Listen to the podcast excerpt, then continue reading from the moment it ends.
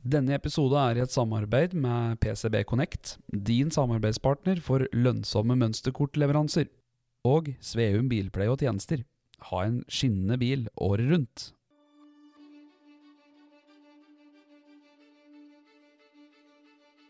Gå veien sammen med dem. Og være en omsorgsperson, være en støttespiller, være en uh, voksenperson, være en kompis, være en bror, en søster. Altså Vi skal ikke gjøre jobben for dem, vi skal gjøre jobben sammen med dem. De skal ha delaktighet i eget liv, da. Og det er jo absolutt kjempeviktig idet du driver og blir voksen. For uh, idet du blir 18, så er du jo på en måte voksen. Men uh, vi skulle alle kanskje ønske, når vi ble 18, å ha en litt sånn kompis og støttesetter som har vært der før, da. Ikke være redd å stille ungene dine det spørsmålet. Eller gå og mistenke over lengre tid og bygge opp masse aggresjon eller uh, uvitenhet om hva som foregår om kvelden. Bare ta det med en gang. Du hører nå på Team Up podkast. Mitt navn er Espen Haug, og i et samarbeid med Team Up Helse AS har vi nå laga denne podkasten nettopp for deg. God fornøyelse.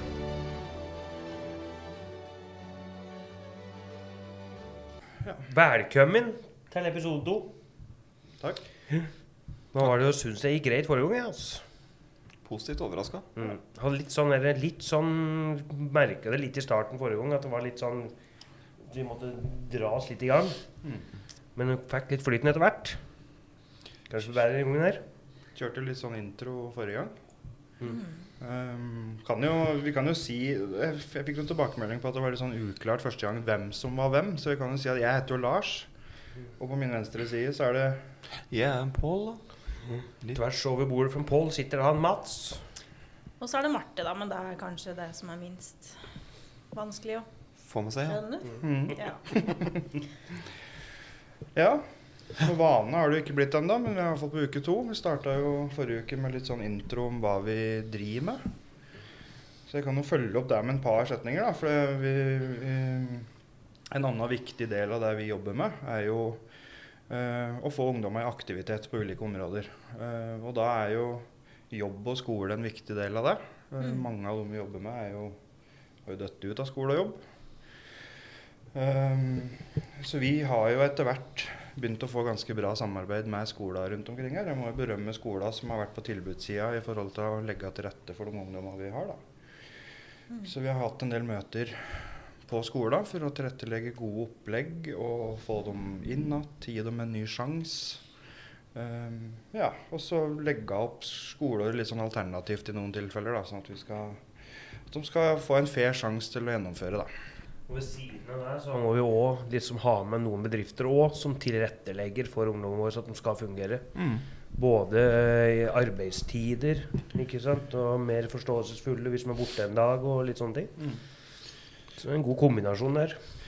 Der har vi vært ganske flinke da, til å koble på liksom, det lokale næringslivet og, og ulike aktører og bedrifter i, i nærområdet her, som, har, som bidrar ganske kraftig egentlig i det vi driver med nå.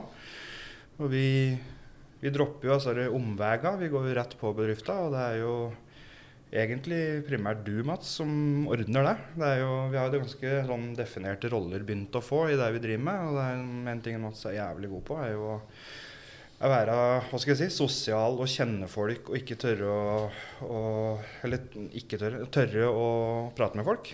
Kontakte Nei. folk. Det er vanvittig godt engasjement da, på mange bedrifter rundt om. Ikke sant? Som ser det vi driver med, og som eh, ønsker å gi ungdom en sjanse. Mm. Og det resulterer jo at det fungerer jo veldig bra i mange tilfeller. Så vi har mange gode samarbeid som sikkert da vil komme mer inn på senere episoder. Kanskje det blir noen gjester og sånt av noen som kan fortelle litt om, om samarbeidet vår og hvordan det er å ha ungdommer i jobb. Mm.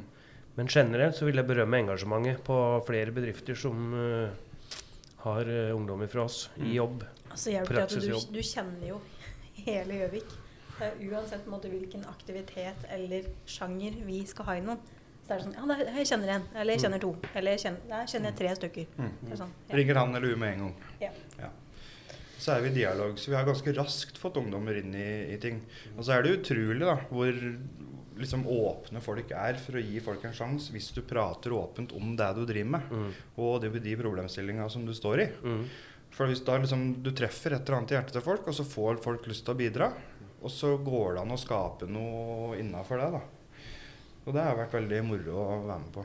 Så jeg gleder meg litt til det, hvis vi får inn noen samarbeidspartnere og litt sånn. Gleder meg litt til det. Mm. For, å, for da, de gjør en utrolig god jobb. Og ikke bare har de ungdommer i jobb, men de skal følges opp der òg. Mm. Så nei, det syns jeg har vært helt enestående. Mm. Fra flere bedrifter. Vi brukte jo forrige episode da, til å prate om litt hva vi driver med. Vi eh, la til en par setninger på deg nå. Så vi kort inn på litt med egen erfaring og sånn òg. Mm. Vi stiller jo sterkt med det. Sa en par ord om det forrige gang. Tenkte vi skulle dra den litt videre nå. Det blir vel litt uh, at det blir der som blir liggende fokus nå, en par episoder. Mm. Åpner i dag med um, Ja, vi har jo pratet litt, og tenkte at uh, Pål og Marte kunne få si litt om ehm, bakgrunnen sin Uh, og sine livserfaringer, hvis vi skal kalle det det. Og så tenkte jeg og Mats at vi skulle ta litt om livet vårt i neste episode. Nå håper jeg litt folk som lytter på, kan relatere seg litt til de historiene vi forteller. Mm. Kanskje er det noen som sitter med litt tanker inni seg om, om hvor vanskelig det er å dele om de opplevelsene. Mm. Så kanskje det være fint for folk å eventuelt komme med noen spørsmål, eller eh, få litt svar fra Marte og Pål på sine områder, da, hvis de syns ting er vanskelig. Mm. Det er liksom det som er meninga òg, å dele fra sin egen erfaring. At det er kanskje er mye folk som kjenner seg igjen. eh, som resulterer i at det er lettere for dem å kunne prate om det. Så er litt av greia til Team Pelse da, at vi har jo på en måte utdannelser og sånn eh, hver for oss. Uh, og det definerer på en måte en yrkesrolle. Men eh, det som er litt sånn unikt med Team Pelse, er jo at vi sitter med en del livserfaring i tillegg på kryss og tvers. Som, uh, som gjør at vi, vi har enda mer å komme med, egentlig, føler vi sjøl. Uh, så da er det jo naturlig også å si litt om det, tenker jeg. Så jeg vet ikke, Pål, om du vil eh, fortelle litt om en Pål. Break the twist. Mm. Hvem er Pål? Hvem er jeg, ja? Mm. Vi kan begynne, jeg, så pent og pyntelig. Det er jo Podkast er jeg ganske Kjenner jo de fire ganske godt som sitter her. Men allikevel så er jeg jævlig nervøs. Jeg kjenner hjertet nesten hamrer gjennom genseren her. Men det er litt fordi at du skal åpne seg sjøl. Nå kjenner jo dere meg, men det sitter mange ute og lurer på hvem egentlig er, er jeg. Uh, så dette er jo ganske emosjonelt for min del. Og mm, bryter noen barrierer som jeg ikke er vant med å bryte. Mm. Men uh, skitt au. Bare å hoppe i det, tenker jeg. Så ja, jeg er da en Pål. Jeg er født på Gjøvik sjukehus. Veide 3004 Nei, jeg tenkte å gå såpass inn på det, men eh, jeg er jo fra Gjøvik eh, og Vardal. Bybra. Vokste opp der. Uh, til da mamma og pappa ble skilt. Så jeg har vokst opp med skilte foreldre, da. Mm. Eh, og det er jo en sak for seg sjøl. Gammel var du når de skilte seg? Jeg var åtte år. Eh, Mamma og pappa gikk fra hverandre. Så har jeg en eh, yngre helbror, eh, Christian. Eh, Jeg har fått lov til å si navnet hans. Jeg skal ikke si så mye mer om han, for han har ikke noe med dette her å gjøre egentlig. Men jeg har fått lov til å meddele at jeg, har en yngre bror som er fire år yngre. Mm. Så mamma og pappa gikk jo ifra hverandre når jeg var åtte, og da flyttet vi jo først eh, til Hunndalen, husker jeg da. Eh, og så gikk jeg ut fjerde klasse på Grandeskolen, og så flyttet vi til Raufoss. Og der har vi da vært fram til eh, Fram til mannsalder, holdt jeg på å si, til jeg var eh, 16 år. 17 år. Og Raufoss eh, ungdomsskole, Raufoss barneskole, Kortaskolen, da, som jeg gikk på, det er jo fine skoler i seg sjøl. Men miljøet på den tida var jo eh, vanskelig for min del. Jeg er veldig innebeslutta person og veldig innestengt og syns det er vanskelig å prate om ting med folk ikke kjenner. Å komme til et nytt klassemiljø og nye venner som du skulle etablere, det var veldig vanskelig for min del. Mm. Um, Hadde sikkert mye usikkerhet i livet ellers òg, med Ja. skilsmisser og sånne ting. ja, det var òg også vanskelig, men det er vanskelig å fordøye dette med at hvorfor går mamma og pappa ifra hverandre. Mm. Og det jeg liksom spurt i ettertid, og hva liksom er grunnen til det? Og det har jeg fått mye svar på, da, men det er jo liksom Ting klaffer ikke for alle her i verden, eh, og da må man takle det. Men som barn så kan det være vanskelig å forstå hvorfor to stykker som har fått barn, går ifra hverandre. da. Og som meg som åtte år, så skjønte jeg ikke helt hvorfor, men det ble en en del av hverdagen å være 50-50. Eh, hadde en pappa og mamma annenhver helg og ukedag. Eh, skolen eh, ble preget av mye mobbing da, for min del. Du ble mobba. Jeg ble mobba. Mm. Eh, mye. Eh, jeg husker mange episoder, jeg vet å gå inn på alle, men det som satte mest støkket meg, var at eh, jeg ble bindt fast. Eh, bindt fast rundt en lyktestolpe. Der de tok hvert sitt bein, og så knuste de ballesteinene mine, da, som vi kalte stolping da, på den tida. Mm. At jeg var en av de første da, i Innlandet, hvis en skal ta noe skryt av dette her. At jeg var den som fikk lov til å var den første som ble utsatt for det. Og der gjorde det nok mye med det skoleoppholdet mitt, om at jeg ikke følte meg trygg noen dag. da. Mm. Ja, de som gjorde dette, her, de eh, var jo egentlig venner i gåseøyne som jeg hang en del med, men som jeg mistet da mye kontakt med etterpå. Mm. Så gjennom ungdomsskolen og barneskolen så fikk jeg meg en kompis som jeg, som jeg hang med hele tida. Som ble den bautaen min. da. Som, han var mindre enn meg, men han var allikevel tøff, for han hadde en storebror. Vi brukte han storebroren hans ganske mye til å hjelpe oss gjennom hverdagen. Mm.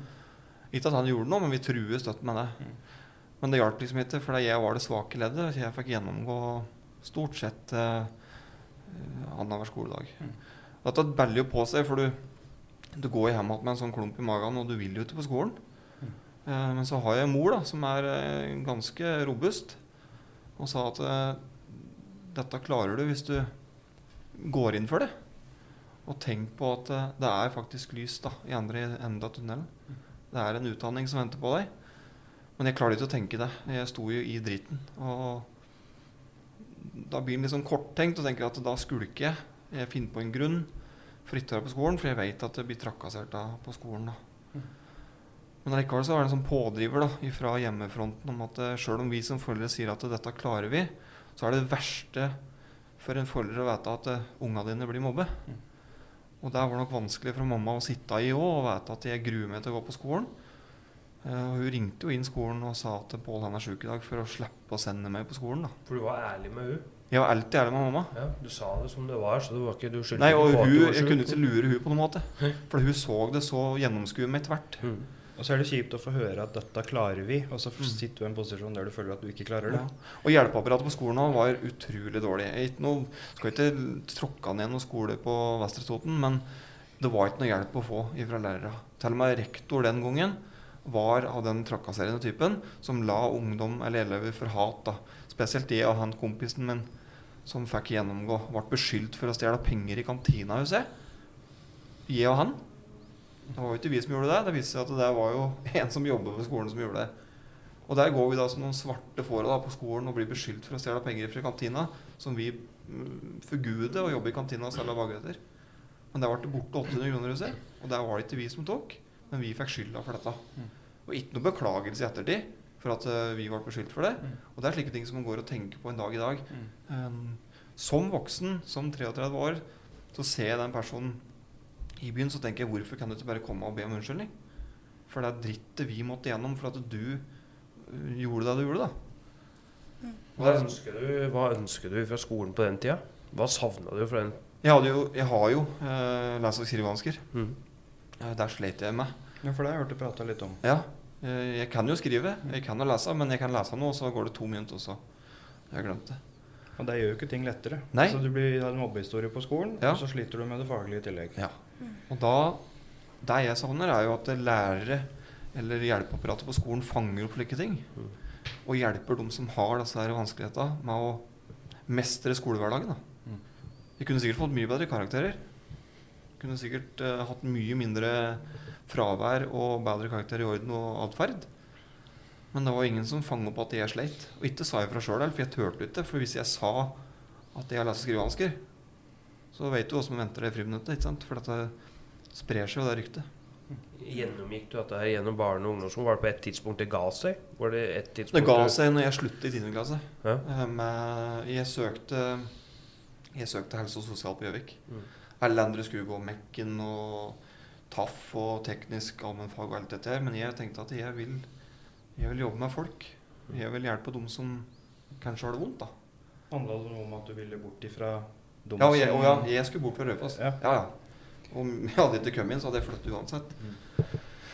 Så jeg fikk jo muligheten, og var så heldig at jeg kom inn på mm, husmorskolen, som det heter da. Bondelia videregående. Er Helt sosial der. Og der var det jeg og tre-fire gutter til. Og resten var jenter. Og da slapp mobbinga, for da kunne jeg være meg sjøl. Jeg kunne gå i de klærne jeg ville, uten å bli trakassert for at jeg hadde uh, seggebukser, eller at jeg hadde sokka feil, eller skoene mine var møkkete, eller hva det måtte være. Men da kom jeg dit, og da ble jeg inkludert. Og da følte jeg meg liksom at eh, nå begynner verden. Da. Nå begynner eh, skolegangen min til å fungere. Da var du over i da, Nå er vi jo liksom på videregående stadiet, da. Åssen mm. var ting hjemme på den tida der? Eh, fra jeg var 15-16 år, så ja, Far min møtte jo en ny eh, dame. Og de fikk jo fire kjempefine unger, han og hun. Og da sklei kontakten vår bort. Jeg følte at jeg ble mindre akseptert da, i, på farssida. Så fra da til nå så har ikke vi noe kontakt, i den grad at jeg får god julemelding og gratulerer med dagen. Så du har ikke noe med faren din å gjøre? rett og Nei, slett? jeg, jeg vil ikke si det. Han er jo far min, men allikevel så uh, Ungene mine Altså, jeg, har- jeg har fire unger. Uh, hun eldste uh, kjenner han jo veldig godt, for han har jo unge som går i klasse med min eldste. Eh, de to mellomste gutta mine vet jo ikke hvem er. Sårt, da. Ja, men det bekrefter bare at jeg skal ikke Jeg er skilt, jeg òg. Hatt eh, eh, unge med to forskjellige. Og tre nå, med hun jeg er sammen med nå. Men det viser at jeg skal ikke stå i de skoene som han sto i. Jeg skal ta ansvar for ungene mine. Jeg skal i hvert fall møte opp for dem og være der. Og gjerne mer enn sende en melding. Men det, det som er eh, For det er bare Jeg kom på det altså, Du sa nå at du hadde unge med liksom to, nå tre forskjellige. da Mm. Eh, og det handler jo mye om relasjon. Altså relasjoner vi ikke har fått til. på en måte. Jeg kjenner meg litt Ja. att i dette greiene her. da Mm. Tror du at den At livet blir sånn fordi at du har slitt med relasjoner i oppveksten? Altså i forhold til mobbing på skolen, i forhold til at en far som du kanskje ikke hadde så godt forhold til etter hvert, Mm. og at du følte deg tilsidesatt, Mm. at det blir noe relasjons... Det gjør det, for det, Skader det, der? det vil jo legge seg i ryggmargen, tror jeg.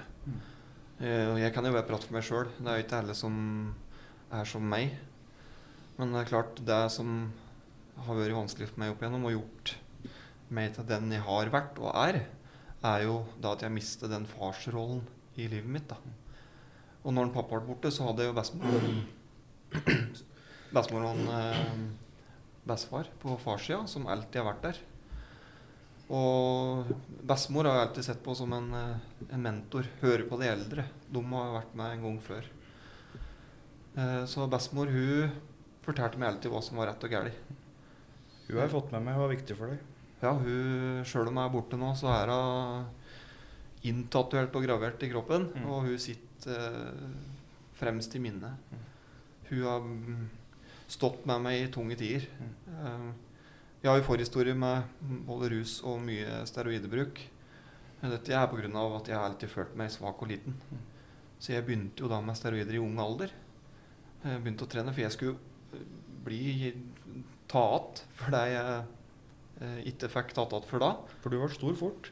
Fryktelig stor.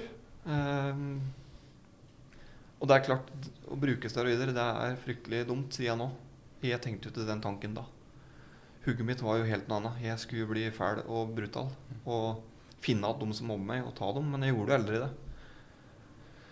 Jeg gjorde mye dumt. Men eh, til slutt så gikk det over i at eh, jeg eh, tok inn et digert party med steroider eh, som jeg skulle selge. Og Jeg fikk ikke solgt det. Så jeg ble skylden da nesten 150 000. Eh, til feil folk, da. I feil by.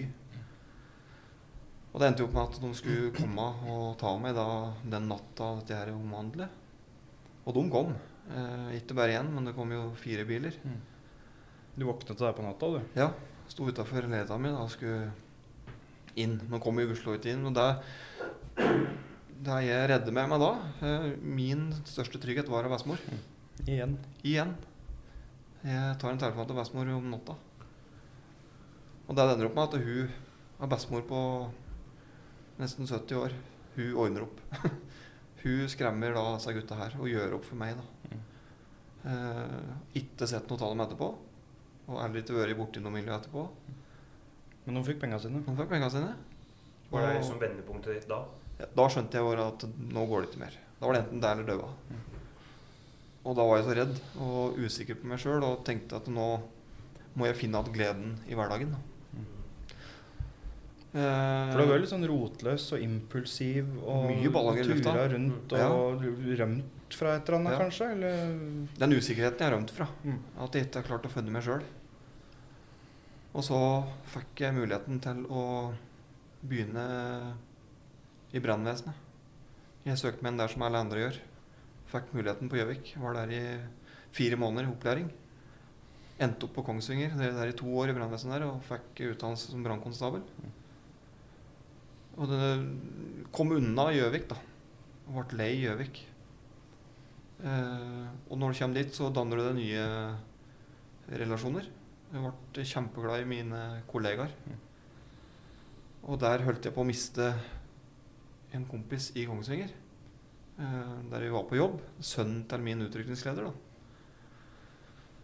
Og han holdt jo på da å gå bort i ei ulykke der. eh, og da gjorde det noe med tankegangen min at, dette her kan jeg ikke drive med. Jeg må Jeg blir for fort glad i folk, da. Og da endte det på Elverum, eh, i ambulansetjenesten, i 2012. Og siden så har jeg da kjørt sykebil. Um, med tanke på hvordan jeg ser ut, så skulle jeg ikke hatt jobb i helsefaglig eh, sektor, men det har jo løst seg da, for jeg er jo meg sjøl. Jeg er mjuk og god på innsida, men så Jeg smiler jo aldri. Og det er litt av clouet, da, hvorfor du er med oss. Det er. Akkurat det du sier der. Ja. Ja. Så folk sier jo meg innimellom 'Hvorfor smiler du ikke?' Mm. Og hvis jeg går rundt og smiler, så tror jo folk at jeg er hjerneslag, for jeg går ikke og smiler. Mm. Det er ikke hverdagen min å gå og smile, for jeg er glad inni meg, men jeg viser det ikke på utsida. Mm. Og det har jeg aldri gjort. Og det, det? er- av oppveksten min. da. Mm. Jeg hadde ikke noen grunn til å gå rundt og være glad, for jeg visste at det, i dag er ikke en dag å være glad på. For jeg gruer meg så, og jeg visste at jeg fikk ikke hjelpa jeg trengte. Mm. Hadde jeg fått det, så kanskje jeg hadde vært han der smilende uh, typen i dag. Men er langt derifra. Men jeg er ikke sur, sjøl om det ser slik ut. Det er bare min bitch, resting bitch face skal jeg lede, da. Hvis du, nå, nå som du jobber hos oss, hvis du hadde fått inn en ungdom som slet med akkurat det samme som deg, Mm. hadde du følt på det sjøl da? Jeg hadde sett meg sjøl Ja. som ungdom i den ungdommen. Og det gjør jeg jo på enkelte av dem. Der ungdom kommer og bryter ut om ting de ikke vil ta med sine foresatte. Åpner de seg på meg, så begynner jeg å grine, og så griner de. Og de har ikke sagt noe før. Og da sier jeg at vet du hva, jeg har akkurat hatt det slik du har det nå. Mm. Jeg vet åssen jeg kan hjelpe deg. Men du, klarer å prate om det nå uten at det preger deg sånn? At du Ja, altså det, preger, det kommer jo til å prege meg til et stryk med. Mm. Men, det som eh, preger deg, er kanskje medfølelsen, men du, Ja, du har jo et er avklart forhold til ja. dine greier i dag som Mm. gjør at du kan jobbe med det. Ja, Men jeg, jeg, vi merker jo at du er et følelsesmenneske, Mm. ja da. og jeg tenker ikke at det er noe negativt. Nei, jeg er ikke redd for å vise følelser. Og jeg er heller ikke redd for å prate om ting. Og jeg mener at hvis folk lurer på noe om meg eller om seg sjøl, så kom og spør, da. Mm. I stedet for å gå og prate om det, i stedet for ikke bare møte det med en gang. Mm. For jeg er ikke redd for å prate om livet mitt før. Og ikke om morgendagen heller, for så vidt. Og det er liksom greia med åssen vi jobber òg, som vi har snakka om litt før. For du, du går jo ikke på jobb klokka ni og er ferdig fire. Nei. Altså Du står på en måte i en dag der du plutselig havner i en situasjon der f.eks. en ungdom er i krise. Mm. Og da kan jo følelser gjøre seg gjeldende, holdt jeg Mm. på å si. Men da er du der og deler det med dem, da. Ja. Og det er jo noe fint i det. Mm. Så glemmer jeg Jeg må bare Det som var vendepunktet mitt, var jo det eh, den dagen hun ordnet opp for meg. Og da fikk jeg en så stor respekt da av bestemor. Men jeg glemmer jo aldri heller da den dagen hun gikk bort. For da var jeg på arbeid. Og jeg tok imot den nødsamtalen der eh, Mm. bestefar min ringer og sier at bestemor ikke puster. Og da var det vondt å sitte på sjukehuset, for da satt jeg inne på 113. Og sitte og vente på at hun kommer inn med sjukebil. da. For hun fikk lov til å komme ned i akuttmottaket der hun kom inn. Eh, og tok sine siste drag. Men før hun strøk meg, så sa hun liksom 'Endelig er du her', sa. Og det er klart, jeg har aldri skjønt hvorfor hun sa. men kanskje hun så meg på en uh, annen måte enn da jeg har sett før. For endelig er du her. Det kan bety så mye, da. Og det er liksom den siste Ja. Ja.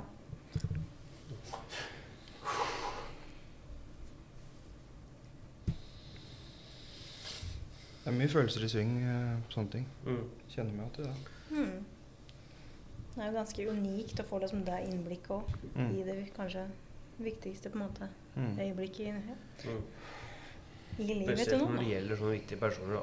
Mm. Så gjør du det, kommer du alltid det til å gjøre noe med det. Mm. Det sitter jo det. Og det blir litt ekstra når den personen har fulgt deg så lenge og stilt opp så mye og vært den go to-personen som hun har vært. da. Ja. Det blir jo på en måte nærmest en forelder, da, ikke på en måte en Mm. besteforelder. Sånn. Det gjør det. det jo Men jeg tenker det er fint. Også. Det er så fint å kunne vise, vise litt følelser rundt. da. Det Mm. sier jo noe om hvor glad du er i. da.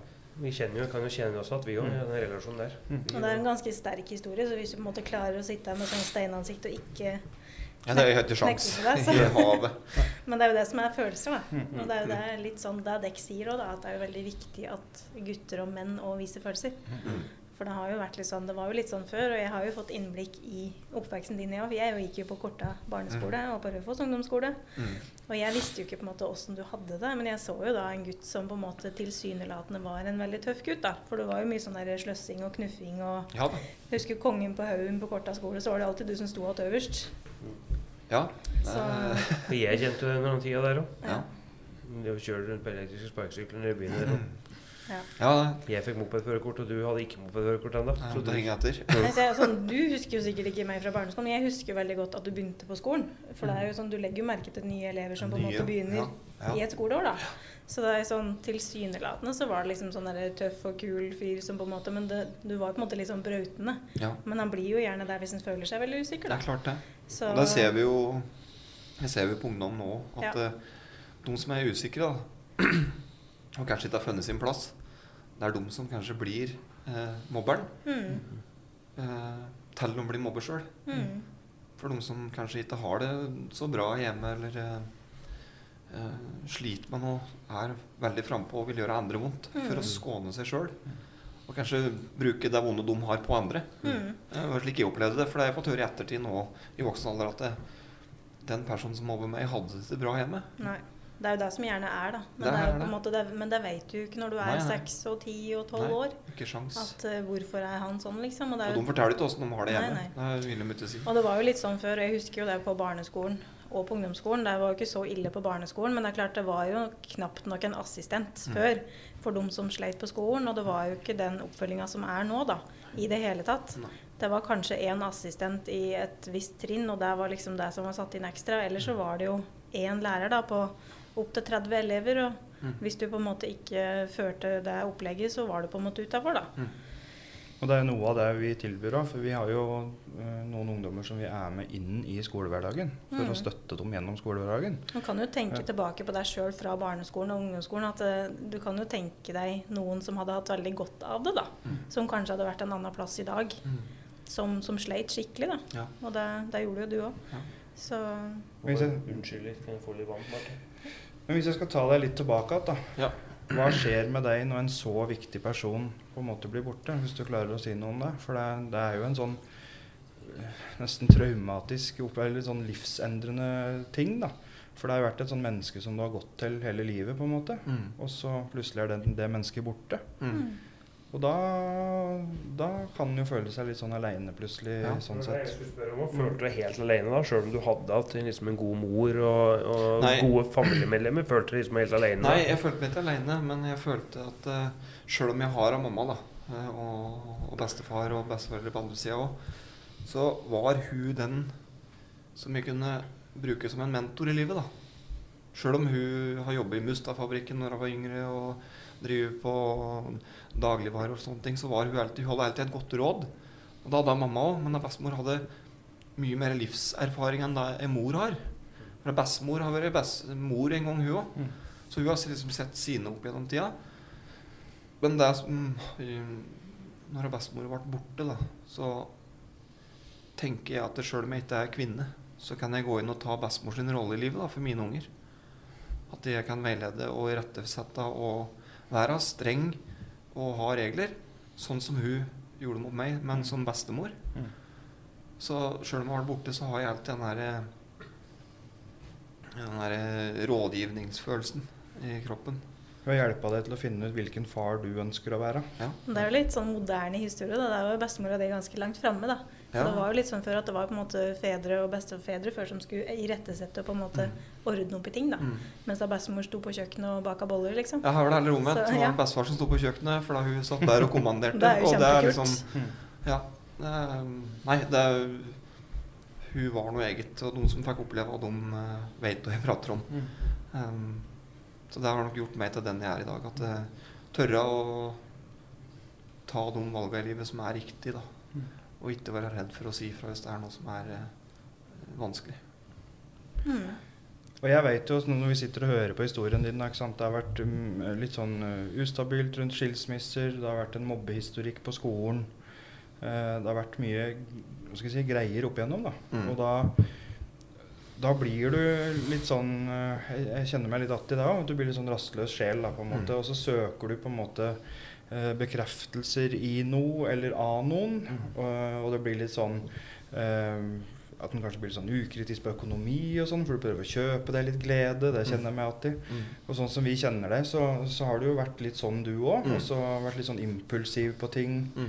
Uh, vært litt sånn på, på flukt, holdt Ja, jeg på å si. Eh, Rota litt med det ene og det andre. Og Mm. økonomi nå har vi jo snakka om, ikke Ja. sant. Det har vært et rot. Uh, Ja. Skikkelig rot. Der jeg måtte til slutt eh, Først en god kompis som kom og sa eh, nå må du få hjelp, for dette går ikke. Og da tenkte jeg at nei da, dette går, det. Jeg klarer dette. Men det, han så ting jeg ikke så. Mm. For eh, ting baller på seg til slutt. Og det er ikke flaut å spørre om hjelp, men jeg syns det var dritflaut. Men jeg fikk hjelp av det, og det har løst seg. Og det er da å tørre å ta den kampen. da. Og stå i de skoa.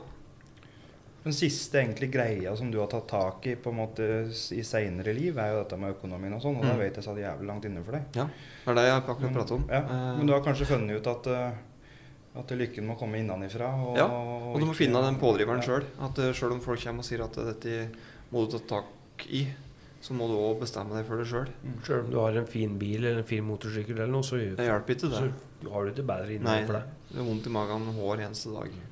Det kan gi deg noen små gleder sikkert, men Mm. ikke, det reparerer, fikser jo ingenting. Nei, vet du. Så tørre å ta imot den hjelpa du får tilbudt. Mm. Ikke være redd for å si at nå har jeg det jævlig. Mm. Og nå må jeg få hjelp. For hjelpeapparatet er jo der. Mm. Det er bare å tørre å gå og oppsøke det. Så det er litt fint for dem som på en måte Jeg har jo jeg har alltid visst hvem du er. Vi har aldri vært venner-venner, men vi har aldri vært uvenner. på en måte. Jeg har alltid visst hvem du var. Men det er jo litt fint å vite hva som skjedde bak fasaden, på en Bak måte. da. fasaden, ja. For Man kan jo tenke seg på en måte at uh, du på en måte lager deg en uh, historie i huet ditt, på en måte, men når Mm. det ikke stemmer, så er det litt fint å få det ut. da. Det er klart det. Det er sikkert mange andre som lurer òg. Vi har jo kjent deg i mange år, og vi har jo opplevd vi er en gutt som har uro. Mm. Altså, du, har jo all, du, du er sånn ja du til alt. Om du skal hoppe fra ei bru, Ja. eller om du skal kjøre på bakhjulet på motorsykkelen. Altså, er liksom, alt er sånn ekstremt Ja. og handler mye om uro, impulsivitet. Mm. Og det sier noe ofte Eller ofte kan det si noe om uh, hva som skjer på innsida, når Mm. du på en måte ikke klarer å sitte i ro Ja. og skal liksom holde på med disse tinga her hele tida. Mm. Så er det et utløp for et eller annet noen ganger, da. Det er det. Husker jeg ble tatt inn på kontoret til sjefen min. Der han hadde sett at jeg søkte på tre jobber mens jeg var i full jobb. Eh, Så spør han liksom hva er Har du ADHD? sier han. Mm. Og som eh, arbeidsgiver så er kanskje det litt feil spørsmål, men jeg svarer jo nei, jeg har ikke det. Men da syns han jeg hadde for mye ballonger i lufta, da. At jeg måtte lande en plass. Men jeg er jo slik at jeg vil utforske ting. Jeg vil oppleve mest mulig på kortest mulig tid, for du vet jo aldri hvor lenge en lever. Men da var det liksom muligheten for Forsvaret, så fikk jeg et tilbud der. Takke ja til det. Og så når jeg kom tilbake, så hadde jeg ikke jobb. For da mistet jeg den jobben på sykehuset. Men så fikk jeg igjen den jobben eh, så fort jeg var ferdig i Forsvaret, og det sier jo litt om sjefene mine òg. At eh, jeg har sikkert gjort en god jobb mens jeg var der, da. At jeg fikk lov til å komme inn igjen. Du, har- du, har aldri, du har aldri vært redd for å arbeide. Altså, du har Nei. stått på som bare det Ja. støtt. Det er liksom uansett hvordan ting har vært, Ja. så har du alltid vært på arbeid. Du har alltid gjort det du skal. Da. Du har en sånn øh, omsorg for å ivareta det du har blitt satt til å gjøre. Alt Ja. på å jeg er glad i å drive med noe. Mm. Masse, masse gode egenskaper med Pål. Ja, kanskje. Mm. Det var litt om meg. Mm. Åssen øh, Når du fortalte om denne uroa du har sittet med hele livet, Mm. og, og på en måte litt hva du har gjennomgått og sånn, åssen er det med den uroa i dag? Eller åssen har du det i dag? Jeg har funnet roa. Det har jeg. Jeg har funnet det jeg Er det fordi du begynte å prate om ting, da, eller er det Det er fordi jeg åpner meg. Mm. Eh, og så har jeg folk rundt meg som velger å høre på hva jeg har å si. Som hjelper meg gjennom hverdagen hvis det jeg har det tøft. Jeg har fire unger jeg ja, elsker og er fryktelig glad i. Og så har jeg et sosialt nettverk rundt meg som, som jeg ikke er redd for å gå igjen. Å møte nye folk, så er jeg litt redd for å åpne meg der. Og det syns jeg òg var litt spesielt eh, Ikke spesielt feil ord, men vanskelig. Når jeg begynte å dekk, eller her i Time Pelse, så møte så mye ungdom som sliter med så mye forskjellig. Så spør han ene meg Hvem er du? Ja, hvor skal jeg begynne hen, tenker jeg. Hvor mye skal jeg fortelle, da? Men da la jeg fram min situasjon, sånn som nå. Og da var det sånn Ok. Det var greit. Ja. Jeg trengte, trengte ikke noe mer. Så har jeg drevet nå siden jeg ble ansatt. Mm. Og nå får jeg den klemmen om at jeg har blitt akseptert. da. Den har ikke jeg fått på mange år. Og det kommer noen og gir deg en klem og sier at det, du er faktisk en bra kar. Mm. Og det, når det kommer en tolvåring og sier det, som er i sin verste livssituasjon, Mm. det gjør noe spesielt med deg. Altså. Mm. Det gjør det. Mm. Jeg er ikke her for å vinne hjerter, men jeg er for å vinne liv. Og gi dem den muligheten videre i livet. Da. Og da trenger jeg å åpne meg sjøl, ikke bare være han der som skal være på jobb. Og det gjenspeiler litt sånn måten vi jobber på. Da, for at vi, vi, vi ønsker jo ikke at ungdommer skal oppleve at vi er på jobb. i den Nei, forstand. Vi nei. vil at, de, at vi skal være en, liksom, et menneske i livet deres Mm.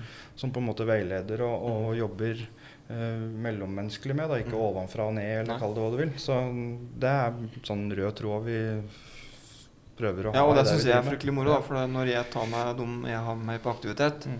så står ikke jeg på sidelinja og ser på. Jeg er med og sykler, og jeg kjører til så blodspruten står, for jeg er en del av dem. Mm. At jeg ikke er han som er på jobb for å stå og passe på. Jeg er like adrenalinjunkie jeg vil være med. Så er det liksom, skal vi reise og sykle i Hafjell, ja, da er jeg førstemann. Mm. For jeg er en kompis, og jeg er en arbeids... Eller jeg er en eh, ansatt, men allikevel så er jeg den som er med og bidrar da, til det fellesskapet for å få dem til å aktivisere seg òg, ikke bare stå og heie fra sidelinja. Mm. Være med å pådrive, da. Det er veldig bra. Ja, jeg syns det er moro. Mm. Det gjør ikke noe meg om jeg sykler til til med fire tenner. For det- det jeg kan reise på jobb om eh, mandagen uansett. For det pleier å skje. Jeg sa jo det da jeg kom, begynte her, at uh, ulempen med å jobbe i ambulansetjenesten kontra her Brekker jeg armen i sjukebil, så får jeg ikke jobbe. Her kan jeg nesten sitte i rullestol og være lam for nakken og ned, for det, jeg er likevel så jeg er blitt med. da. Ja. Så det er liksom litt motiverende å være med, for at du, du vet at i dag så blir det action. da. tenkte på til, til de som sitter og lytter nå, da. Uh, vil gjerne høre om du har de beste råd som på generell basis i livet når du møter motgang, uh, eller har møtt. Hva som er på en måte er beste, ditt beste råd. da Rådet mitt er vel dette med å tørre å prate. Tørre å si ting som det er. Det er ingen som I så fall, hvis de vender deg ryggen, så er det dårlige folk. Da må du finne noen nye å gå att. Men bruk de nærmeste du har.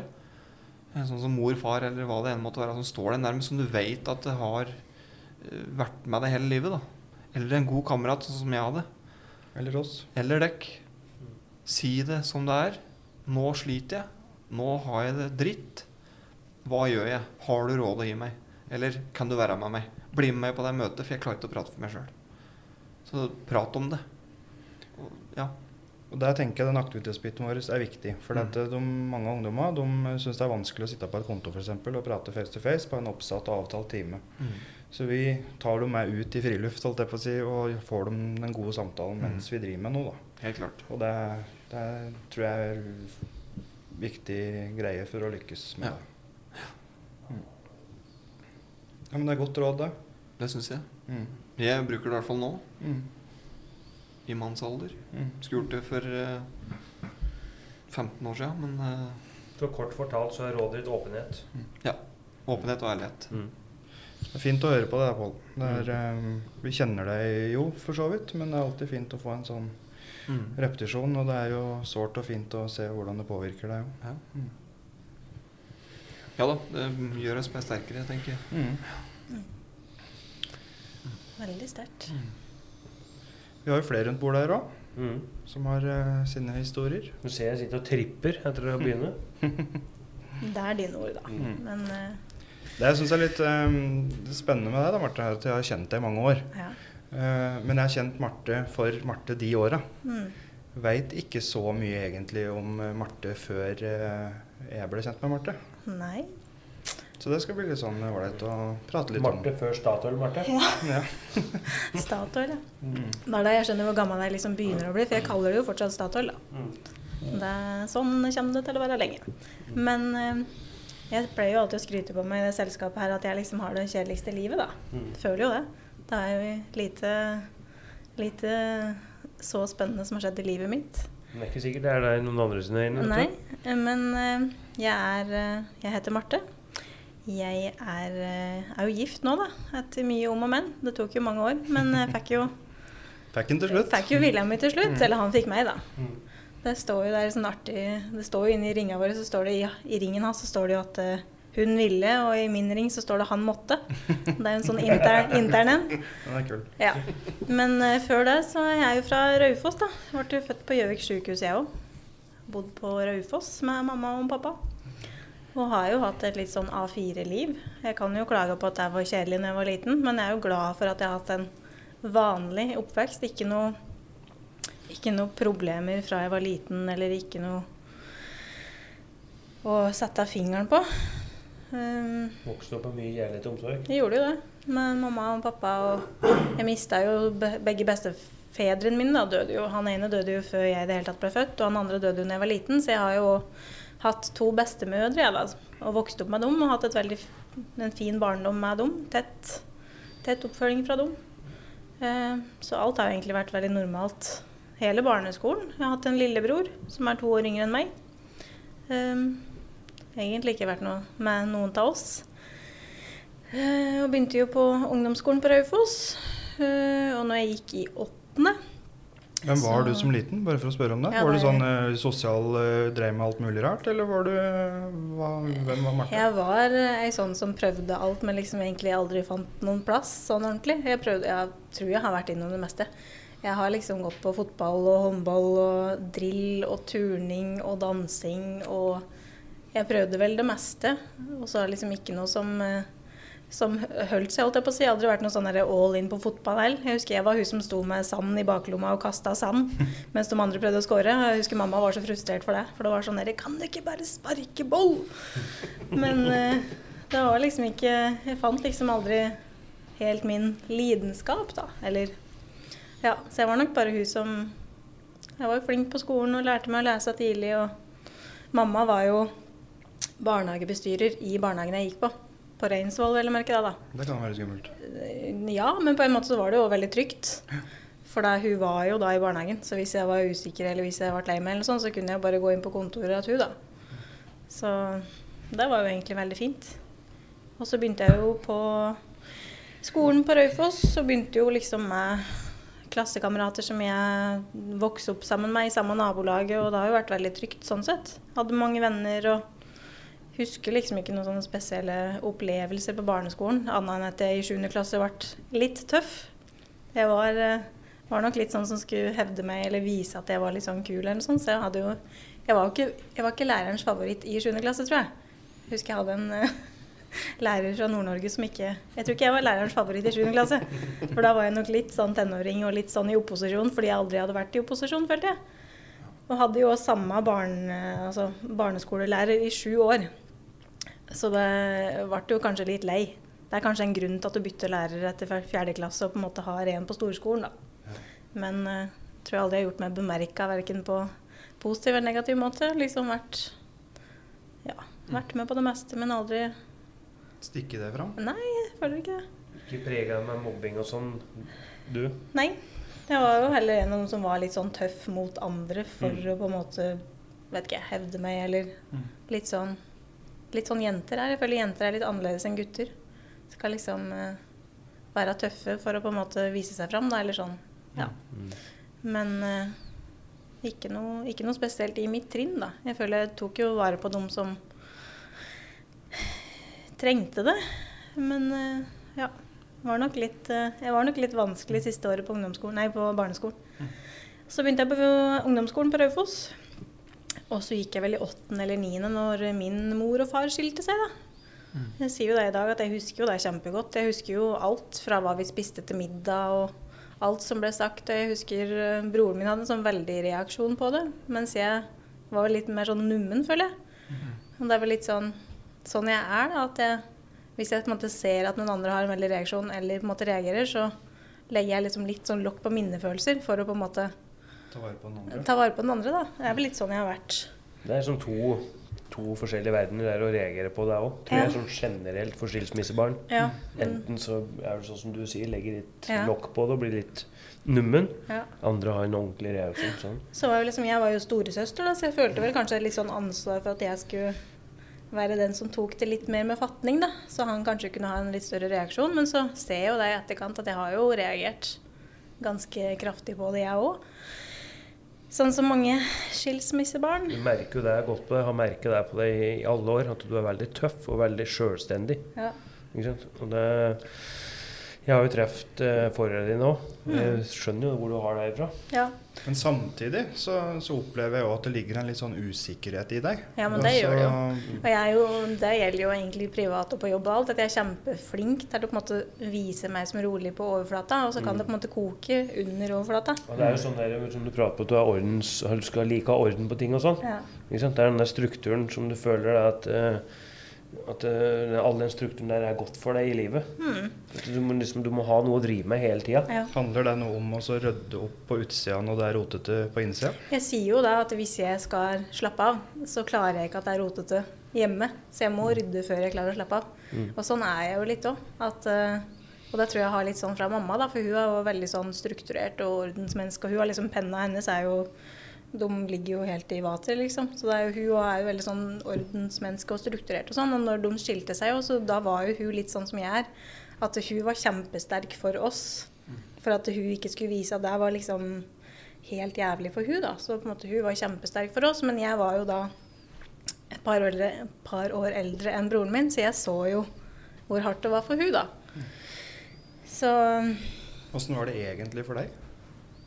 Vet du, jeg, Klarer du å sette deg noe tilbake i tid for å kjenne etter liksom Hvis du blir nummen og ikke reagerer noe særlig på det, men har du gjort deg opp noen tanker i ettertid på hvordan det egentlig føltes? det er jo litt vanskelig å si, men jeg tror alle som har skilte foreldre, på en måte har kjent på den usikkerheten. Da, for du har liksom to trygge foreldre som er der for deg, og du har ett hjem som jeg hadde vokst opp i. Jeg bodde jo i samme huset fra jeg var nyfødt og til dette her skjedde. da. Og så skal du på en måte plutselig eh, rive opp hele livet ditt da, og dele de to. Og så skal du på en måte være der for begge foreldre, samtidig som du er jo da barnet. Så det er jo dem som på en måte skal trygge deg, da. For det er den kontrasten jeg tenker kanskje blir vanskelig. da. Mm. Når du er vant med å ha det trygt på en måte i hele oppveksten, og så Mm. plutselig så endres alt. Mm. For det er ikke å stikke under en stol at det, det er relasjoner som blir svekket Ja. av en sånn situasjon. Det blir Altså, det. det, er- det er ikke til å unngå, føler jeg. Nei. Det er sånn- spørsmålet er bare hvordan unga, eller hvordan foreldre og unger Mm. tar det. Ja. Men relasjonen blir svekket av det. Mm. Altså, det er et eller annet som skjer. Og så er det jo rart, da, for det er jo liksom når du har hatt besteforeldre som på en måte på begge sider har feira jul sammen, og du feirer bursdager og sånn, og så blir det liksom uvennskap mellom foreldra, naturlig nok, når de på en måte går fra hverandre. Men samtidig så har det jo vært, som Pål var litt inne på i stad, du har vært å få en unge sammen. Og da skal du på en måte tenke at det kan skje noe i framtida, men at du skal vite hvordan du takler det, på en måte, da. For det å være et barn da, som går gjennom en skilsmisse, det er jo noe som endrer hele livet ditt. Og fra å da ha et trygt hjem med to foreldre, og særlig en mamma som jeg husker som veldig sterk, da, så uh, går du over til å bo i en bag, da. Og liksom uh, du deler helligdager, og du deler bursdager, ferier.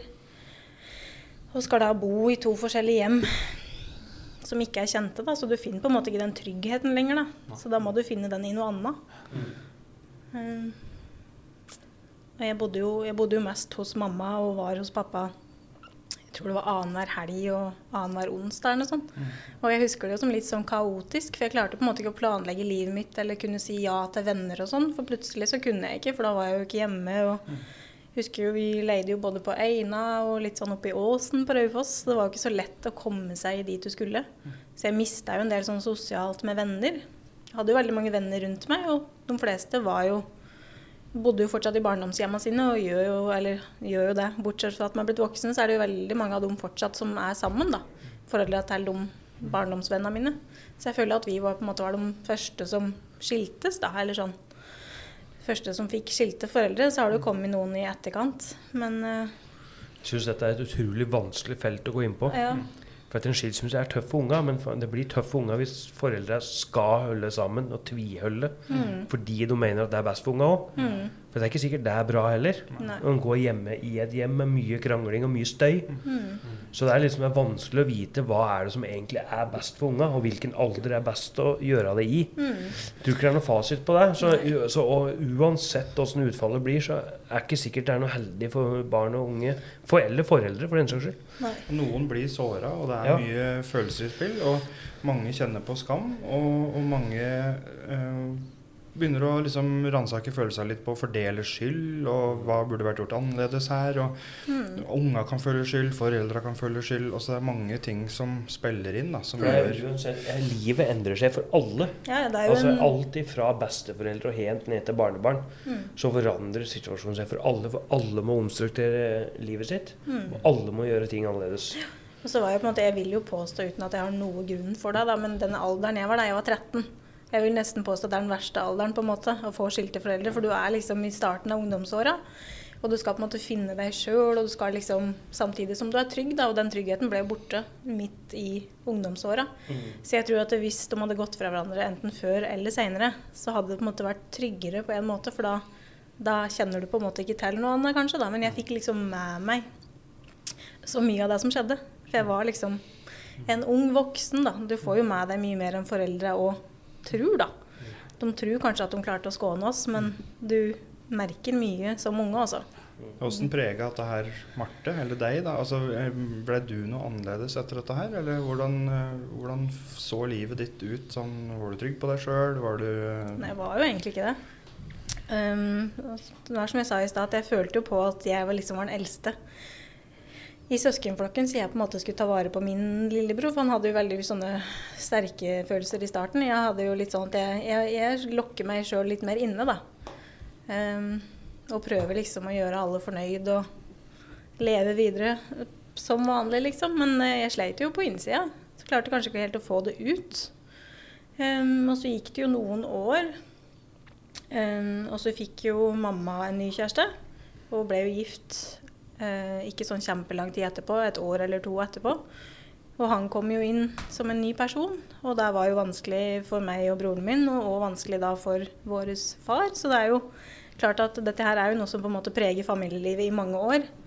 Um, og jeg husker jo konfirmasjoner og jul, høytider, bursdager som veldig vanskelig i en periode. Det var jo mye som skjedde med de involverte som prega både voksne og barn.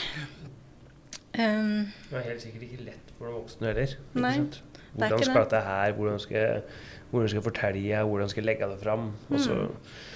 Jeg tror det er mye der også, som eh, folk ikke vet om. Så jeg tror det er like mange voksne som sliter med noe sånt som, Mm. eh, som barn.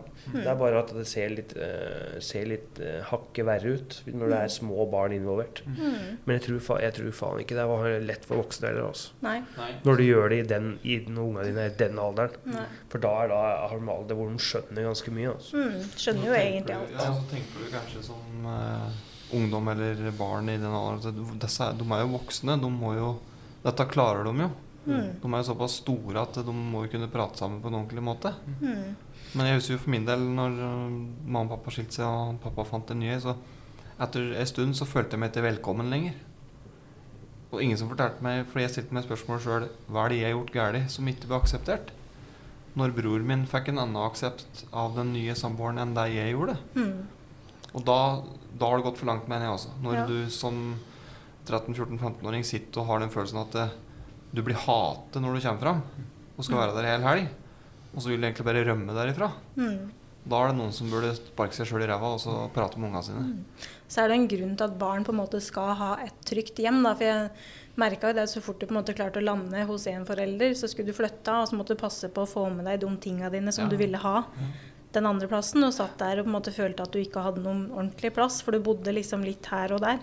Så det er litt vanskelig å liksom finne seg sjøl i det du er på flyttefot Mm. så ofte, da. Og så er det så innmari mange unger Ja. som har, ikke har et trygt hjem. Ja. Og det er jo dem vi som regel jobber med. Mm. Og jeg tenker at da kommer jo denne erfaringa her til gode. Ja. Altså det er den følelsen i hvert fall, da. Mm. Av å føle seg litt rotløs eller Ja. må flytte frem og tilbake og ikke ha den, de trygge rammene rundt seg. da. Og så er det så vanskelig som barn. For jeg husker mamma fikk seg jo da en ny mann, og han var jo kjempeålreit. og er jo- De er jo fortsatt gift i dag, har et veldig godt forhold til dem.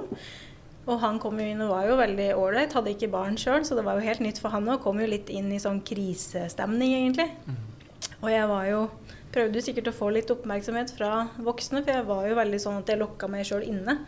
Men så ser du jo det i ettertid, at du på en måte oppsøker på en måte feil folk og Oppsøkte oss. ja. Nei, men du oppsøker på en måte litt sånn feil miljøer og sånn for å på en måte finne noen som åpenlyst går ut og sier de har problemer, på en måte, da. For du har jo det sjøl, men tør kanskje ikke å si ifra at du har det. For det alle vennene har det liksom så fint og rolig, og alt er fredelig, og foreldre er sammen, og hadde liksom ikke noe til felles med dem, følte jeg innimellom, da. Og det er her den der egne erfaringa er veldig sterk. Ja. Ikke sant? For du, du har jo unger òg ute der som ikke bryr seg om om forholdet går fra hverandre. Men sånn som Martha, som sitter med en sånn Det kan være en fin tilnærming for hun, for en, en gutt som kommer til oss på 13 år, som har opplevd en skilsmisse. Hvor, eh, som har vanskelig med å, å sette ord på følelser. Hvor du da har den egne, erfaringa mm. som du kan si til ungdommen Er det sånn her du følte det? Og jeg husker jo på et eller annet tidspunkt der også, jeg har jo gått på DPS. Jeg husker jeg satt jo på et kontor og fikk beskjed om å tegne eh, meg sjøl. Jeg var en prikk i midten, og så skulle jeg tegne liksom en eh, første runding, og så neste, liksom. Og så tegne hvilke personer i livet mitt som var nærme nok den prikken, da. Og så husker jeg at det var jo kjempevanskelig. Eh, men det endte jo med at det var jo ikke så veldig mange som var nærme meg, for jeg på en måte skjøv folk unna meg, da. Åssen var den følelsen? Og du ser det kartet? Det var litt sånn rart. Jeg så jo på en måte at det var ikke så mange jeg slapp innpå meg, da. Eh, Men samtidig så hjalp det liksom ikke å sitte på et kontor med en person som bare satt der og liksom tok inn person på person. Og jeg hadde, jeg hadde nok ikke sånn kjempegod effekt av det. Og så var det veldig flaut, husker jeg, å på en måte si at jeg skulle gå ifra en time. Så var det sånn Ja, hva skal du for noe? Så er det sånn Nei, jeg skal til legen. For du turte jo på en måte ikke å si at du skulle Jeg skal på DPS og prate med en psykolog, liksom. For det var jo litt sånn før. Ja, Det var jo jeg ikke gjorde den samme som deg. Hadde én time. Ja. Og det, det, eneste jeg satt og fokuserte på, var at han får haugevis med betaling for å sitte og høre på mine Ja. og så får han ikke gjort noe med det. Jeg husker jeg betalte ganske mye. Jeg tror det var 570 kroner eller noe Ja. sånt for en time, hvis Ja. jeg husker riktig. Og så tenkte jeg at herregud, Mm. dette blir for dumt, liksom. det, ja, og så, som du sier, da. Si at uh, du forteller elevene eller uh, kompisene dine eller vennene dine at jeg skal til, fast, skal til legen. Ja. Men så er det noen du kanskje åpner deg mer av, sier at du har faktisk en time på DPS. Mm. Og da er det kanskje viktig for den vennen å forstå hva det innebærer at du skal dit. Mm. Jeg hadde ikke den. Nei. Det ryktet ble spredd om at eh, Pål skal på DPS. Ja. Han har problemer i livet sitt, Mm. og da blir det et tema. Mm. Men som en god venn så burde du kanskje da si OK. Men jeg er her før det når du kommer igjen. Mm. Jeg tipper du kanskje ikke har sagt det så mange at du har gått på DPS før? eller? Nei, jeg tror jeg fortalte det til én venn jeg hadde da. Jeg tror dette var første året på videregående. Da tenker du at du sitter og prater om det nå? Ja, og så det- har jeg sånn inntrykk av at det er kanskje ikke noe som du har eh, pleid å si til folk? Nei, det tror jeg kanskje er eh, et fåtall som vet. Mm. Men eh, jeg hadde nok kanskje ikke den største på en måte effekten av meg å sitte der i en time, men jeg ser jo på det i etterkant som at det, det skjedde jo noe i huet mitt på en måte som så at jeg slapp jo ikke så veldig mange innpå meg. Og jeg gjør jo fortsatt ikke det. Jeg er jo litt sånn at jeg liker å ha folk litt på avstand, for da er det på en måte ikke Da, da, da mister jeg dem ikke på en måte på samme måten, da. Har disse opplev opplevelsene er prega av deg relasjonelt, tenker du? Sånn Ja. at du er, sliter med å stole på folk, slipper å få, slippe folk inn? Jeg gjør jo det. Jeg hadde jo veldig mange venner når jeg gikk på barneskolen, og så skjedde det jo ting som gjorde at vi mista kontakten. Um, og jeg ser jo det at det er jo mye mer sånn at jeg, jeg syns det er lettere å ha guttevenner, f.eks. For, eksempel. for da opplever jeg at det er, det er mye mer sånn fair, da. Det er mer sånn Realt. Det er realt, ja. Da, jenter er litt mer sånn at det er mye hvisking og tisking og intriger og konflikter og um, Det sier jo det i dag at jeg er for gammel for sånn, men det er på en måte Ja, det er nok noe som på en måte kommer fra den tida, da. Ja, for sånn jeg kjenner deg, så er det sånn, Du er jo veldig sånn damedame, egentlig, men samtidig så er du guttejente. Ja. Altså, du, du stæsjer og sminker litt sånn, sånn som damer ofte gjør. Ja. Men samtidig så er det sånn du skal rygge med hengeren, og du Ja, skal mekke, og du skal Så det er, nok liksom litt begge sånn, deler. det er nok litt sånn personlig eh, overlevelsesmekanisme, tror jeg. At det har vært litt sånn det var. At eh, Ble den styrka etter det du gikk gjennom? Den sjølstendigheta og den skal klare sjøl å gjøre sjøl? Ja, absolutt. Mm. Så ble det jo litt sånn at jeg, sånn, Mamma var jo veldig sterk, og da tenkte jeg at da skal jeg òg være det. Og etter at jeg da ble mor sjøl, så ble jeg i hvert fall sånn. At uh, jeg skal vise dem at jeg er den stabile mora som på en måte alltid er der, og at jeg er med på det meste. da, At du ikke bare står og ser på. Og vise at jeg på en måte jobber hardt for å få til det jeg vil, da. Prega det sånn kjærlighetsforhold og sånn? Altså, var du redd for å gå inn i forhold, f.eks., for eksempel, fordi du var redd for relasjoner, eller Ja, men samtidig så har jeg jo alltid vært den som har vært i forhold. Jeg har jo nesten aldri vært singel. Så jeg søker meg jo til det òg, på en måte. Du søker deg til tryggheten? Ja. Så det går jo eh, Jeg tror det har gått maks en to-tre måneder jeg, mellom hvert forhold på en måte i livet. Så jeg søker jo det trygge. Sånn som ja, sånn som det på en måte har vært gjennom tida, da. Men så har det jo Så har du opplevd det motsatte, og Ja. så søker du tilbake til Ja, det? det er noe med det. Mm. Så det er jo litt sånn rart åssen ting preger oss, da. Jeg tror jo alt vi opplever i livet, preger oss. Ja, det gjør jo det. På et eller annet nivå. Ja. Så er det bare å finne ut av liksom hvordan ting påvirker, og så er det å finne ut hvordan man skal leve godt med det. Da. Ja. Og det er Og det så er som det litt sånn av clouet. vanskelig å se det når du står i det, men så ser du det kanskje i ettertid. Når du begynner å på en måte dra litt sånn sammenligninger med åssen tingene var når du var liten, da. Og hvordan du vil at barna dine skal ha det. Når du sitter her som voksen sjøl med egne barn Ja. og tenker tilbake på det, Mm. hva var det verste du syns med den tida var? Var det verst eh, for deg sjøl, eller var det verst den tanken med at du, du følte at de voksne ikke hadde det bra? Tenkte du mest på far og mor? At du ville at de skulle ha det bra? Du så de hadde vondt, men du gjerne ville at de skulle ha det bra? Eller synes du Tenkte egentlig mest på lillebroren min. Ja. For da, jeg tenkte at de voksne var jo voksne, så de skulle jo passe på oss. Men så Mm. tenkte jeg at eh, jeg på en måte hadde en mulighet. For jeg har jo alltid vært veldig sånn voksen, da. Jeg har aldri, alltid vært sånn at jeg skal passe på andre og vært den sterke, da. For at andre på en måte skal kunne vise følelser eller vise at de er sårbare, eller Ja. Så Hvordan forvalter du den rolla i jobben din nå, syns du? Jeg er jo fortsatt den. Jeg har jo sagt det når jeg går inn i det her, at jeg er jo ikke den som hopper i fallskjerm eller er sånn adrenalinjunkie. Det har jeg aldri vært. Og kommer aldri til å bli. Jeg er på en måte mer den trygge som kan vise dem et sånn på en måte stabilt, For du ser jo det på dine egne barn nå. fint liv, da. Du og mannen din er jo veldig flinke til å overføre den selvstendigheten og sånn over til deres egne barn. Mm. Så der tror jeg det er en sånn sterk rolle som du òg får inn hos oss. Ja. For etter med deg så er det ikke noe om og men. Ikke sant? Skal du rydde i kjøleskapet, så er det merkelapper på kurver. Og, altså, du bare går inn og gjør det. Ja. For livet kan jo ikke bare handle om aktiviteter og moro. Altså, du, må, du må ha inn andre aspekter ja. av det. Og da tenker jeg at klarer du å på en måte eh, lande litt i at eh, den du er, er den vi trenger. Mm. For det, sånn er det jo. Ja. Altså, vi må jo utfylle hverandre i dette teamet her. Ja. Og vi har jo forskjellige egenskaper, og vi har forskjellige bakgrunner. Ja. Og alt trengs. Mm. Eller alt er eh, også Den sammensetninga vi har, er det som gjør at det funker. Mm. Men jeg opplever jo at du ofte overtenker litt og sier at eh, ja, men jeg har jo ikke opplevd det dekket opplevd der, og så, og så Ja. sammenligner du deg med det. Så, så har jeg en sånn tanke om at det er ikke noe Å sammenligne problemer er veldig farlig. Mm. For det som jeg opplever som vanskelig, det kan jeg oppleve som like vanskelig som noe du har opplevd som vanskelig. Mm. Så det å sammenligne problemer er veldig skummelt. Og så tenker jeg at alle har sin rolle, og alle har sine ting. Mm. Og så må vi bare bruke det eh, positivt, da. Ja. Alle har en grad av hva de opplever som syns har vært vanskelig og Mm. tøft. Så er det sånn viktig å få fram at det er sånn, jeg har alltid vært veldig fornuftig, som regel, da. Og det er jo sånn, jeg husker mamma sa at jeg har alltid vært veldig flink til å liksom Jeg har jo alltid, jeg har jo alltid hatt penger før jeg får lønn, f.eks. Jeg er veldig sånn tilpasningsdyktig. Så er en måte jeg er veldig sånn jeg tenker alltid gjennom ting da, før jeg på en måte går inn i en investering eller bruker penger. eller for det er på en måte, jeg tenker at jeg har et ansvar for andre. da. Sånn det er en jo alltid- kjempeviktig ting som Ja. ungdommer trenger å lære. Ja. For de er jo tomme for penger første dagen. Ja. Mm. Men ja, det har, sånn har jo alltid vært. Men du, måte, du ser jo at ting preger deg fra barndommen over i det voksne livet. For det er jo på en måte sånn Jeg føler at jeg må være trygg for mine barn fordi jeg opplevde å bli utrygg i en skilsmisse f.eks. Så du tenker jo gjennom hvordan du vil føre deg videre, og hvordan du eventuelt håndterer det. Men eh, jeg ser jo at jeg legger jo lokk på veldig mange ting og på en måte distanserer meg fra ting da, for å på en måte slippe å bli såra. Og det er jo litt sånn viktig å vite det òg, at eh, hvis du åpner deg og på en måte deler med noen, da, så er det jo Da kan du på en måte få litt hjelp til å håndtere ting. Så du på en måte slipper å håndtere det i hodet ditt alene. Da. Jeg har, på en måte, jeg har alltid overtenkt ting og alltid på en måte sett for meg alt noen kan svare, og da har jeg allerede et svar.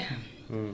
Du er jo et vanvittig eksempel på da, at, eh, at en kan tjene på å vokse på å ta et skritt utafor komfortsona si. Ja. For du er jo litt typen til å holde deg i komfortsona, for det funker. ja.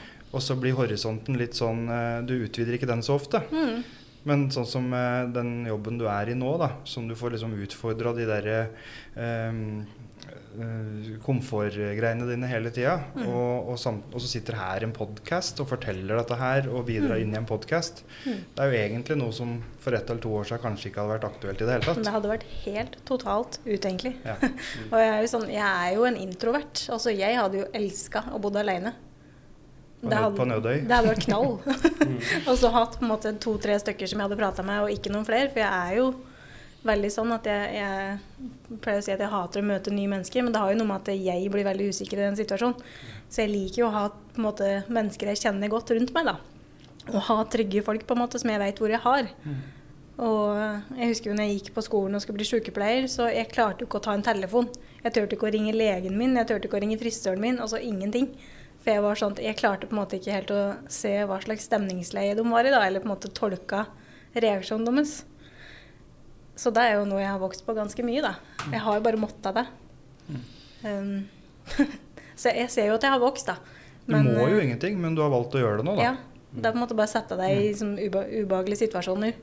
Både sosialt og ellers, på en måte. Det er jo å- veldig aktuelt med disse ungdommer. For Ja. de på en måte faller ut av ting og inn i sin egen snevre komfortsone Mhm. og blir sittende i ei leilighet aleine, eller blir Mhm. sittende og game eller røyke hasj. Eller, så, så det er noe med å lære dem å tørre å ta skrittet ut da, Mm. for å oppleve Jeg har jo lært meg en sånn frase som jeg sier inni huet mitt, at hva er det verste som får skjedd, på en måte.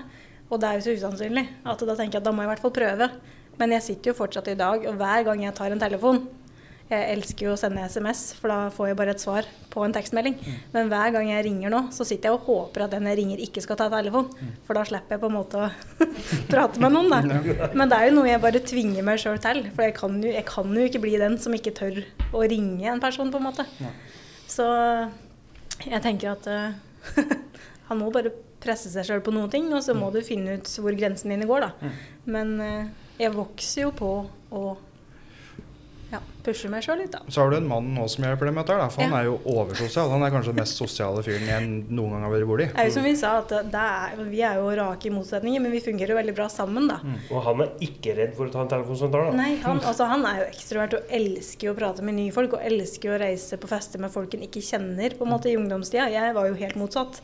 At vi kunne gjerne reise en stand der jeg visste akkurat hvem som var der. Mens han er sånn Det går fint.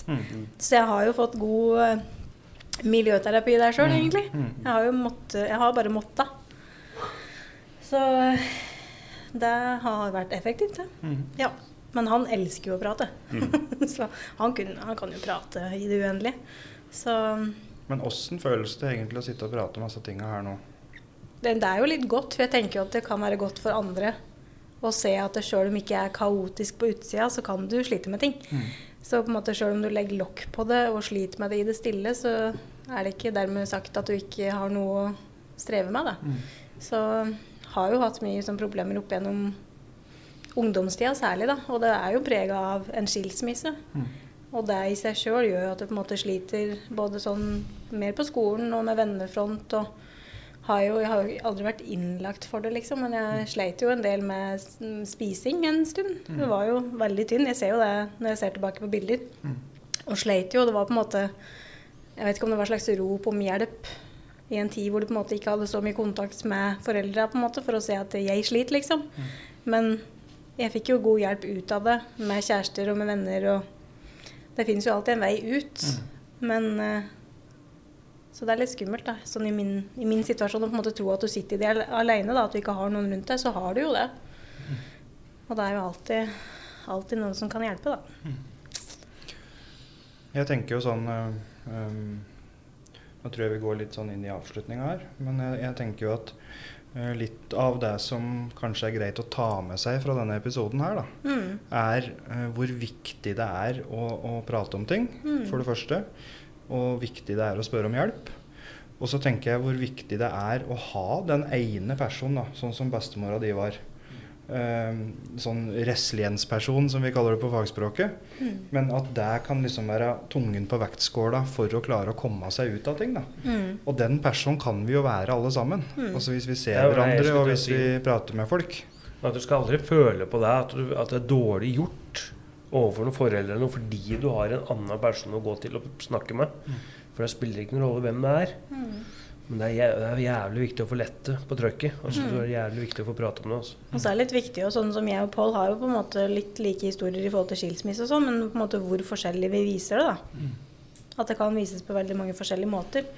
Og du kan slite sjøl om du ser helt rolig ut på overflata, på en måte. Ja, for det, ja, sånn når du var ung, så skilte foreldre var liksom Da visste du at de var gått ifra hverandre. Men det er ingen skilsmisse som er lik. Nei. Og hva som skjer bak fire vegger, det er det bare de som bor der, som vet. Mm. Så det, imøtekomme de som har skilte foreldre, kan behandles både lett og vanskelig. Da. Mm. Så det er um, Men altså, hadde jeg kunnet sett spolet framover i 20 år, da, så har jo både mamma og pappa har jo funnet igjen seg hver sin, og det er jo veldig bra folk begge to. Og de har det jo bedre med dem enn de hadde sammen, og jeg ser jo det nå. Men det, det oppleves jo ikke sånn når du står i det som barn, da, for det er jo mamma og pappa, og de skal være sammen, på en måte. Men eh, ting kan jo bli bedre. Det er jo det som er. Du Espen, du som sitter på sidelinjen og hører på historier som blir fortalt, og historier. Blir du nysgjerrig? Er det noe du lurer på? Nei, altså du, Syns det er spennende? Ja, det er det. Og jeg sitter jo igjen med en følelse over at uh, jeg er veldig glad for at jeg ikke deler. Det er, for jeg tror da at eh, alle trenger å høre, uh, uansett hva det er, da, til erfaringer. For vi kan alltids bli uh, tryggere på å ta kanskje de mer riktige valga på sikt, men da trenger vi noe å høre først for å kanskje vurdere hva som er det viktigste for den og en person. da så jeg tror at hvis vi, når vi deler slike opplevelser, erfaringer, så tror jeg at de andre kommer sterkere ut av det enn at de ikke hadde hørt det. da Så det er jo det jeg sitter igjen med, jeg som sitter på utsida her. Og eh, jeg tror at alle trenger å høre det uansett. Så eh, jeg setter jo veldig stor pris på at jeg deler, at jeg ikke er åpne. Så det syns jeg er helt eh, Det, syns synes jeg er fint. Godt å høre. Skal vi la det bli litt sånn avslutningsord i dag? At vi går ut og tar vare på hverandre, vis omsorg for hverandre. Vær en viktig person for noen. Eh, tør å be om hjelp og tør å prate om ting. Mm. send gjerne inn noen spørsmål, så, hvis, eller uh, hvis jeg syns ting er vanskelig, eller ta kontakt. Eh, så var det liksom en liten introduksjon av Pål og Marte denne uka her. Mm. Håper folk tar litt lærdom av det. Håper folk åpner seg mer. Sett pris på det. Ja. Neste uke så er det min og Lars sin tur. Mm. Ut i litt om oss sjøl, da. Ja. Mm. Så jeg håper folk, eh, folk eh, tenker seg litt om. Jeg håper folk eh, finner det i seg så være litt mer åpne og ærlig. Eh, og still gjerne noen spørsmål til oss eh, som vi skal prøve å svare på så godt vi kan. Folk kan sende inn spørsmål, Espen. Der kan de. Mm. De kan sende inn spørsmål enten på sosiale medier eller på, gjennom nettsida vår, teamuphelse.no. Mm. Så der eh, kan, vi, kan du sende inn spørsmål hvor eh, vi da i neste episode kan ta opp noe og svare på. Ja. Så håper jeg folk følger med da og liker eh, podkasten vår. Så abonner på YouTube og følger med. Trykk Yes. eh, tommel opp, fem stjerner på ja. Spotify. Gjerne også, gjerne også tilbakemeldinger på kanskje noe noen temaer dere har lyst til å ta opp Mm. uh, ved senere episoder og sånn. Så Åpen for det meste. mm. Mm. håper for det meste. Absolutt. Bare Trist. si Ja, unnskyld. Bare, bare Bare si tusen takk, Pål. Og tusen takk, Marte. Mm. At dere sitter og åpner dere på denne måten der. Folk får høre litt. fin uh, måte å starte uka på, syns jeg. Mm. Vi går ut herfra med litt mer sånn samhold uh, Ja. hele, hele tida. Ble ikke blåmandag likevel. Jeg er bare glad for at det ikke er min tur neste gang. Jeg. Så Ja, nå kan jeg sove godt i natt. da. kan jeg sove natt mandag, i hvert fall. Tusen takk for denne gangen, da. Tusen hjertelig takk, Tusen alle takk. sammen.